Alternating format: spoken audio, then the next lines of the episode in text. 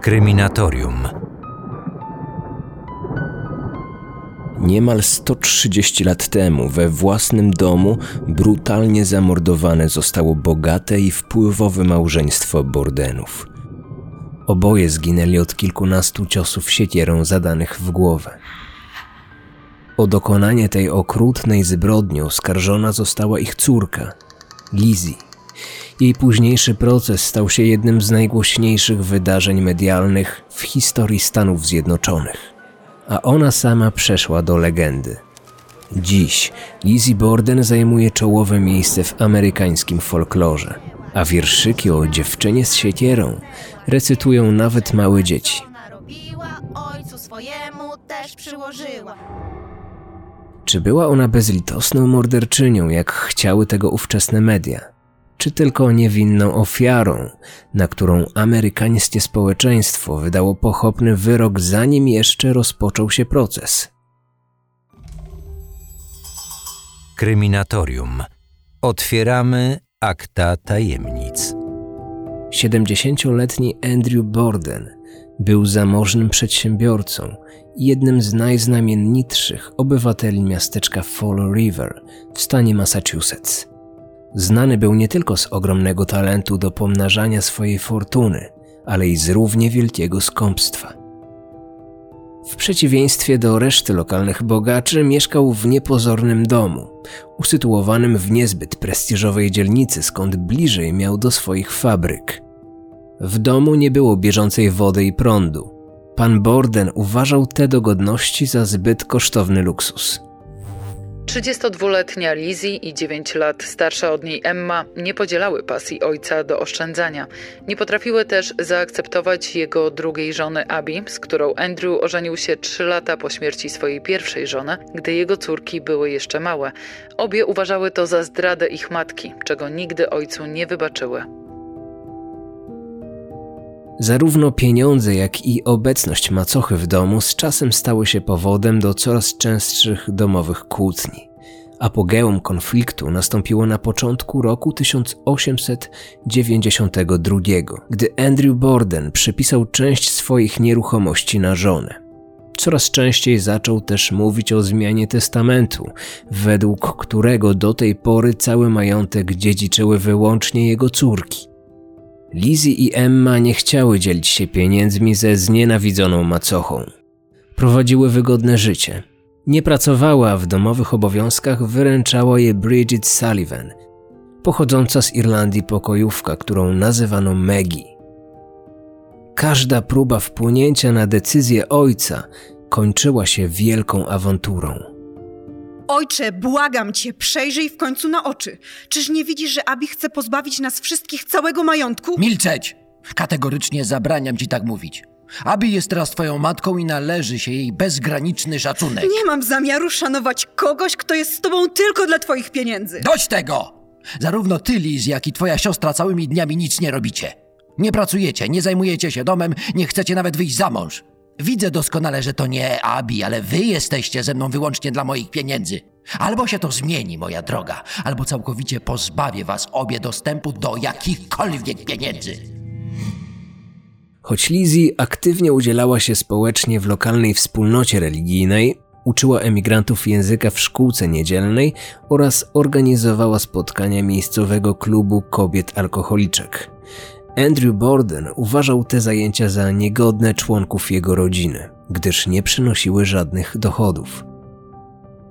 Konflikt pomiędzy ojcem a córką zaostrzył się jeszcze bardziej w maju 1892 roku.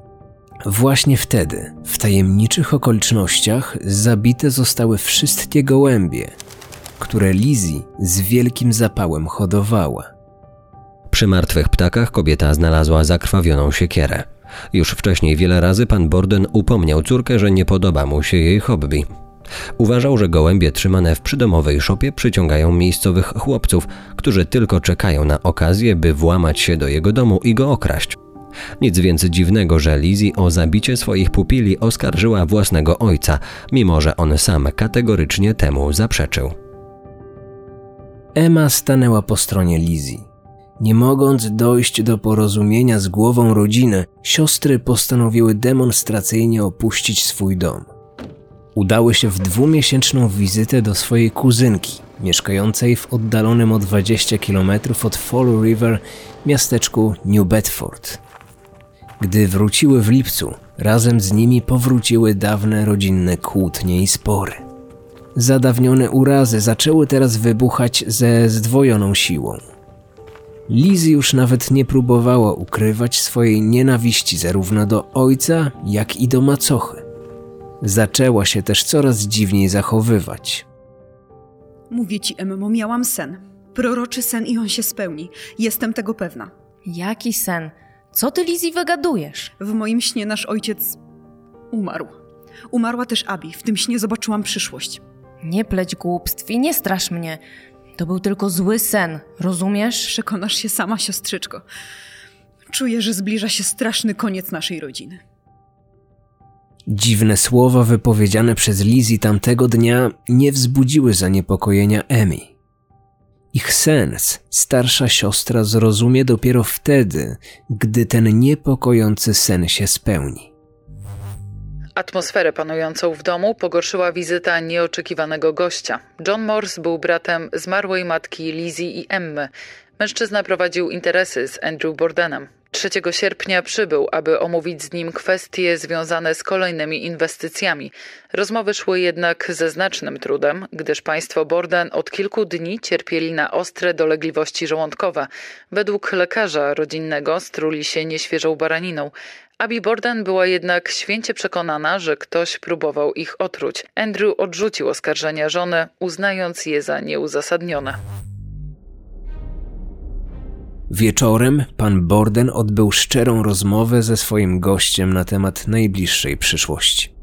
Opowiedział Johnowi o swoich planach związanych ze zmianą testamentu i przeniesieniem części majątku ze swoich córek na żonę. Andrew chciałby Lizzie i Emma przeprowadziły się do mniejszego domu, który kiedyś należał do ich zmarłej matki. Dom, w którym teraz mieszkały, miał stać się wkrótce własnością Abby.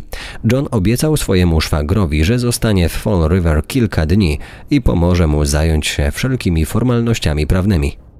Nie zdążył. Następnego dnia państwo Bordenowie już nie żyli. Upalny czwartkowy poranek 4 sierpnia 1892 roku nie zapowiadał tragedii, jaka miała się wkrótce wydarzyć. Kwadrans przed godziną dziewiątą John Morse wyszedł z domu, by spotkać się z krewnymi. Kilka minut później na poranny spacer udał się Andrew Borden. W tym samym czasie dom opuściła także Emma. Pokojówka Maggie myła okna, Abby Borden sprzątała pokoje na piętrze. W kuchni Lizzie w milczeniu piła herbatę. Dzień jak każdy inny? Nic bardziej mylnego. Osłabiony chorobą Andrew wrócił około godziny dziesiątej, dużo wcześniej niż planował. Drzwi otworzyła mu Maggie. W tym samym momencie pokojówka usłyszała kobiecy chichot, dobiegający ze szczytu schodów prowadzonych na piętro. Była przekonana, że to Lizzie. Pan Borden postanowił odpocząć w salonie. Ułożył się wygodnie na sofie, nie ściągnął butów, więc aby nie zabrudzić mebla, stopy pozostawił na podłodze. Po chwili przywołał do siebie pokojówkę. Tuż za nią do salonu weszła Lizzie. Panno Megi, proszę niezwłocznie przekazać mojej żonie, żeby do mnie przyszła. Powiedz, że mam jej coś bardzo ważnego do przekazania. Dobrze, panie Borden. Nie ma takiej potrzeby, Maggie. Pani Borden wyszła i nie ma jej w domu. Panno Lizzie, byłam tu cały czas i nie zauważyłam, aby pani Borden gdziekolwiek wychodziła. Jestem pewna, że pani jest na górze. Przecież ci mówię, że wyszła. Spieszyła się, bo jej znajoma zachorowała i potrzebowała pomocy. Na pewno niedługo wróci. W takim razie zdrzemnę się chwilę i zaczekam na jej powrót. Maggie tymczasem wróciła do swoich obowiązków. Godzinę później po całym domu rozniósł się przeraźliwy wrzask. To Lizzie krzyczała z salonu. Maggie! Maggie! Chodź tutaj szybko! Ojciec nie żyje! Ktoś wszedł do domu i go zabił. Gdy przybiegła przerażona pokojówka, Lizzie zamknęła się w salonie i nie pozwoliła Maggie wejść. Kazała dziewczynie natychmiast iść po mieszkającego w sąsiedztwie doktora. Pokojówka wybiegła z domu.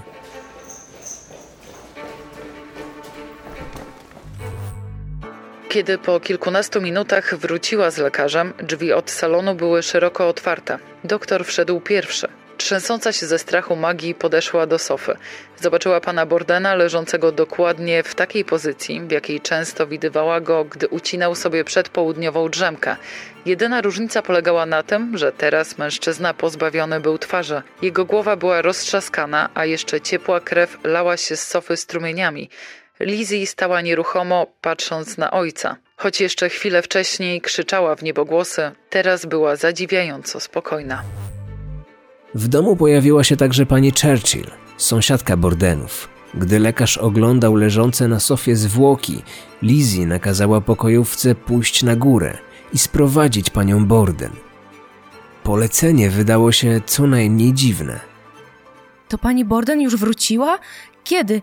To, to niemożliwe, panno Lizzie. Odkąd wrócił pan Borden, byłam cały czas przed domem. Nikogo w tym czasie nie widziałam.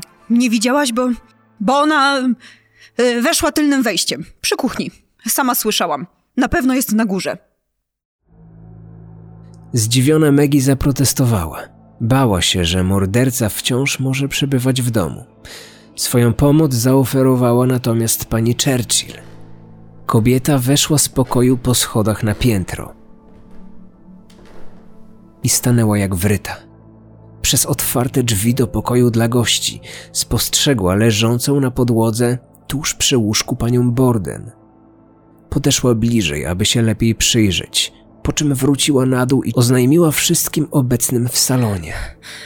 Tam na górze, w pokoju przy schodach, tam jest, to znaczy tam leży, tam leży Abi i, i ona jakby, ona chyba nie ma głowy.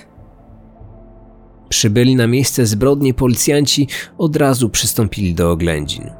Następnie zwłoki państwa Borden zostały przeniesione i ułożone na stole w jadalni, gdzie sprowadzony przez policję lekarz dokonał pierwszej autopsji. Ustalono, że pierwsza zginęła Abby. Jej śmierć miała nastąpić nie więcej niż godzinę przed śmiercią jej męża, czyli mniej więcej w czasie, gdy do domu wrócił Andrew. Kara Robertson w książce Proces Lizzie Borden przytoczyła fragmenty raportu z sekcji zwłok. Należy stwierdzić, że kobieta została zaskoczona przez mordercę podczas sprzątania pokoju. W momencie rozpoczęcia ataku ofiara była zwrócona twarzą w kierunku sprawcy. Pierwszy cios został zadany w bok głowy, tuż nad lewym uchem. Uderzenie spowodowało utratę przytomności i upadek, powodujący uszkodzenie nosa i czoła. Następnie zabójca zadał leżącej twarzą do podłogi ofierze 17 ciosów w tył głowy.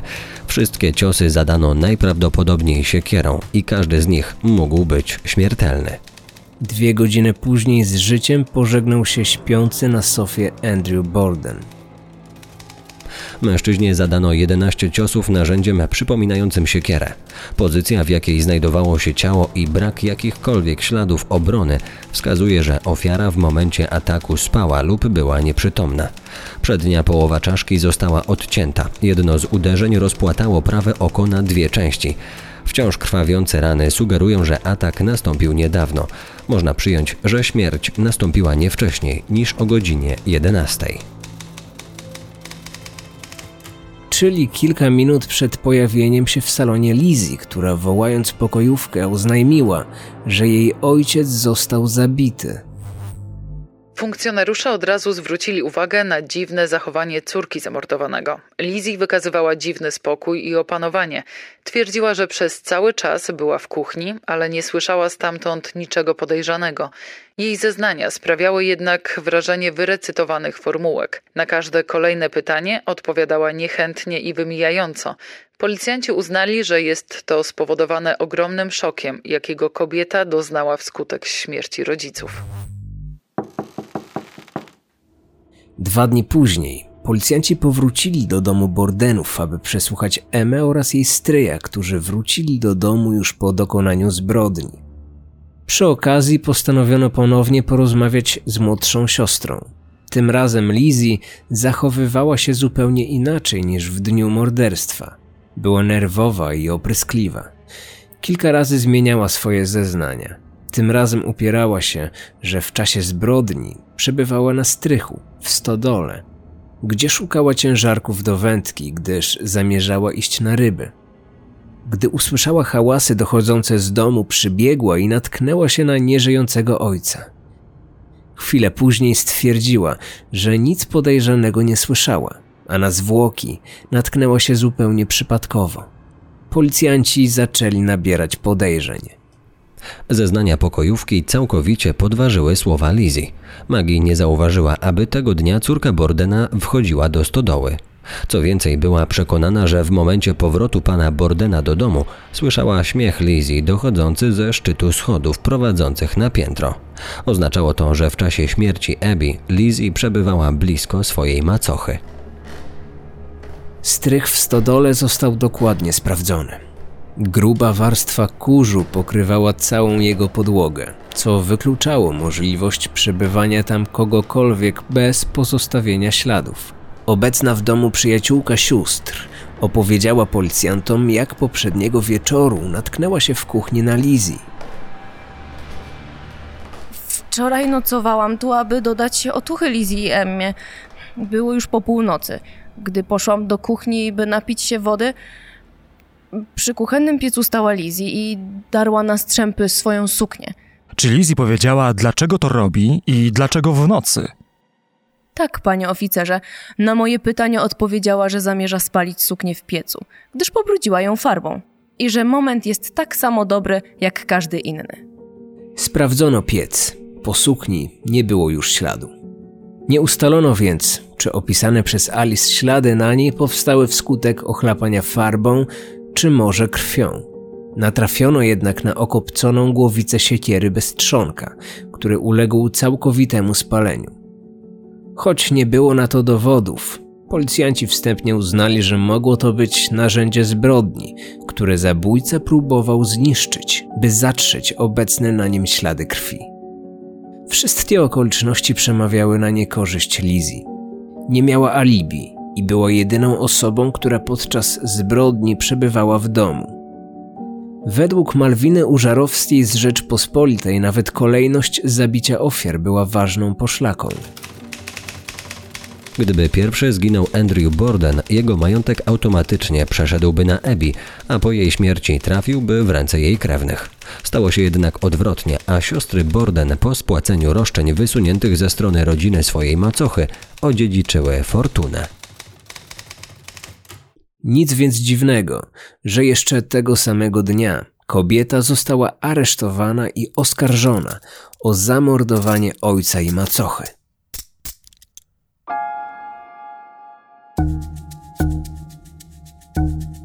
Trwające śledztwo wywołało narodową debatę. O okolicznościach zbrodni rozpisywała się większość amerykańskich dzienników. Prasa rozpętała krajową debatę o winie lub niewinności oskarżonej kobiety. The Boston Globe poświęcił jej sprawie kilka ilustrowanych stron. Przed ławą przysięgłych siedziała oskarżona panna Lizzie Borden, ubrana w granatową, prostą, sztruksową suknię. Jej czarne nakrycie głowy obszyte było czarnymi piórami. Nie miała welonu, a swoje dłonie skrywała w czarnych rękawiczkach. Siedziała wyprostowana, z podniesioną głową. Jej wzrok wędrował to na sąd, to na własnego obrońcę, który bez opamiętania kłócił się z prokuratorem okręgowym. Z każdym kolejnym dniem przesłuchań opinia publiczna była coraz bardziej przekonana o winie oskarżonej. Większość świadków podważało wersję Lizzie. Pokojówka, sąsiedzi, przyjaciele domu, nikt nie miał żadnych wątpliwości. To panna Borden z zimną krwią zamordowała ojca i macochę. Niekorzystne zeznania świadków szybko były podchwytywane przez prasę, która ochoczo kreowała Lizzie na bezwzględną morderczynię. Nawet w odległym stanie Montana niezadowolenie społeczne sięgnęło zenitu. Ludzie głośno domagali się natychmiastowego ukarania zabójczyni. Według nich kobietę należało powiesić bez procesu. Tamtejszy dziennik Independent Record codziennie zamieszczał obszerne relacje ze wstępnych przesłuchań. Oto fragment artykułu z końca sierpnia 1892 roku. Zeznania przedstawione podczas dzisiejszego przesłuchania Lizzie Borden spowodowały zmianę opinii wśród jej przyjaciół, którzy dotychczas stanowczo utrzymywali, że oskarżona jest niewinna. Pojawiły się kolejne mocne dowody, tym razem przedstawione przez sąsiadkę państwa Borden, która znała i kochała oskarżoną od dziecka. Podczas wysłuchiwania zeznań przeciwko sobie panna Lizzie bez przerwy przegryzała swe wargi. Rumieniła się i często pochylała w stronę swojego obrońcy, któremu szeptała coś do ucha. Bardzo szkodliwe dla oskarżonej wydaje się również być zeznanie złożone przez rządowego urzędnika narkotykowego, który dostarczył dowodów na podejrzaną wizytę Lizzie Borden w aptece w Fall River.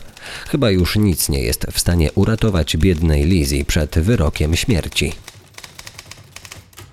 Choć oskarżona zaprzeczała, że taka wizyta miała kiedykolwiek miejsce, właściciel apteki opowiedział agentom rządowym, że mniej więcej tydzień wcześniej córka Andrew Bordena chciała kupić u niego kwas pruski, rzekomo potrzebny jej do czyszczenia płaszcza z foczej skóry. Aptekarz wytłumaczył agentom, że środek ten, znany także pod nazwą cyjanowodór, może być użyty jako bardzo skuteczna trucizna. Wystarczy zaledwie 50 mg, aby zabić dorosłego człowieka.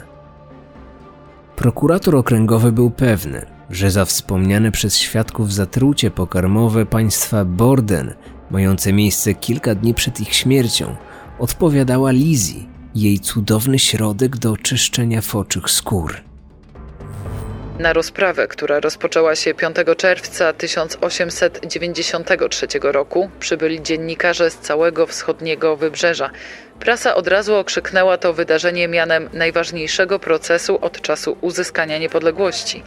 W ciągu dwóch następnych tygodni, zebrany pod budynkiem sądu w New Bedford Tłum, głośno domagał się powieszenia morderczyni. Innego zdania był adwokat Lizzie, który robił wszystko, by jego klientka uratowała swoją głowę.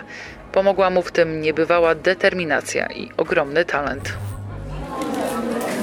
Linia obrony miała na celu zasianie wątpliwości w głowach członków ławy przysięgłych. Przedstawił licznych świadków, którzy w czasie popełnienia zbrodni widzieli Lizzie w stodole lub zauważyli podejrzane osoby kręcące się wtedy koło domu. Zwrócił uwagę, że żaden ze świadków nie zauważył na ubraniu jego klientki nawet najmniejszego śladu krwi, które niewątpliwie musiałyby się pojawić, gdyby to ona dokonała tak brutalnego mordu. Oskarżyciel upierał się, że krew mogła poplamić sukienkę, którą Lizzie spaliła w piecu.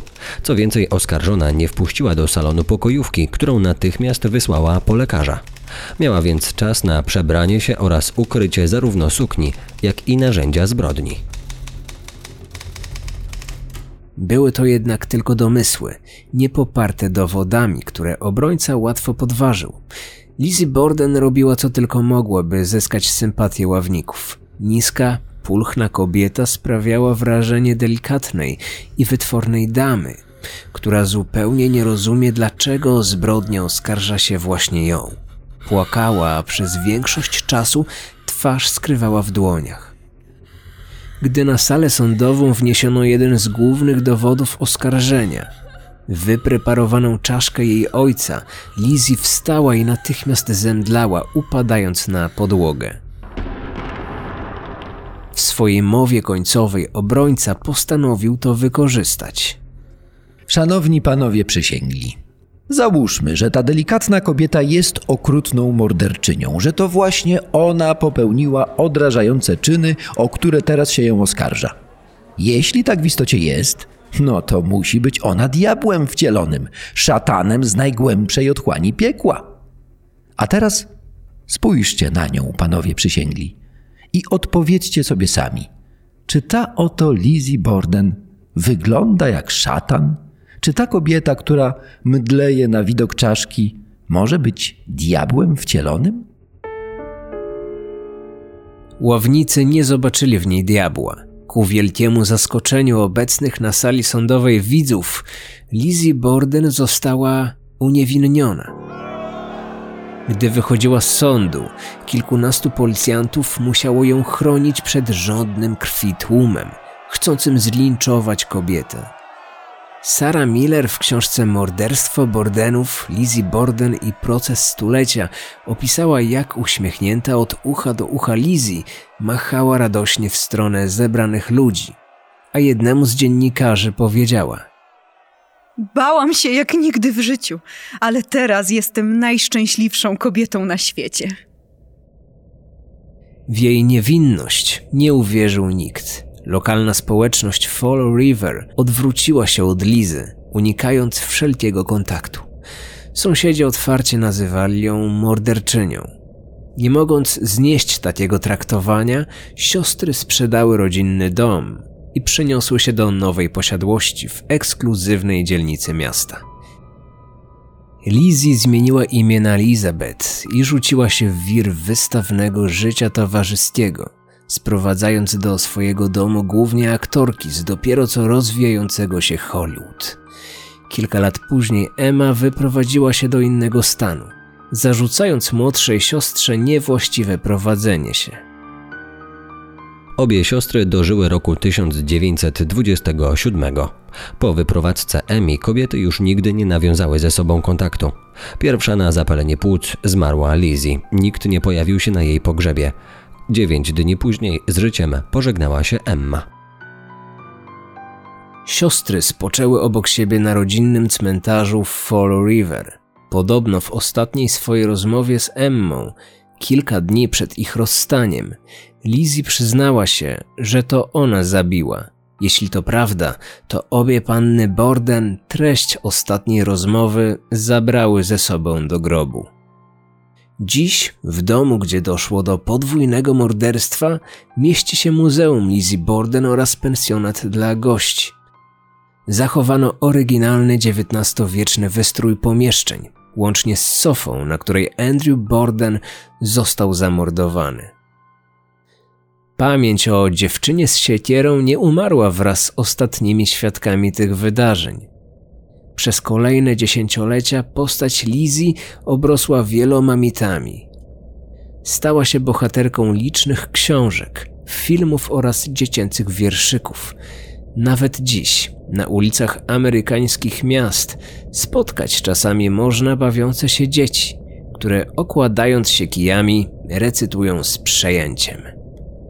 Lizzie Border siekierkę wzięła, czterdzieści razy matkę rąbnęła. Kiedy spostrzegła, co narobiła, ojcu swojemu też przyłożyła. I Andrew Border to teraz trup, bo Lizzie głowę rozbiła mu. Dziś w niebie z nim śpiewają chórki, szubienica dla mojej córki. Kryminatorium. Otwieramy akta tajemnic.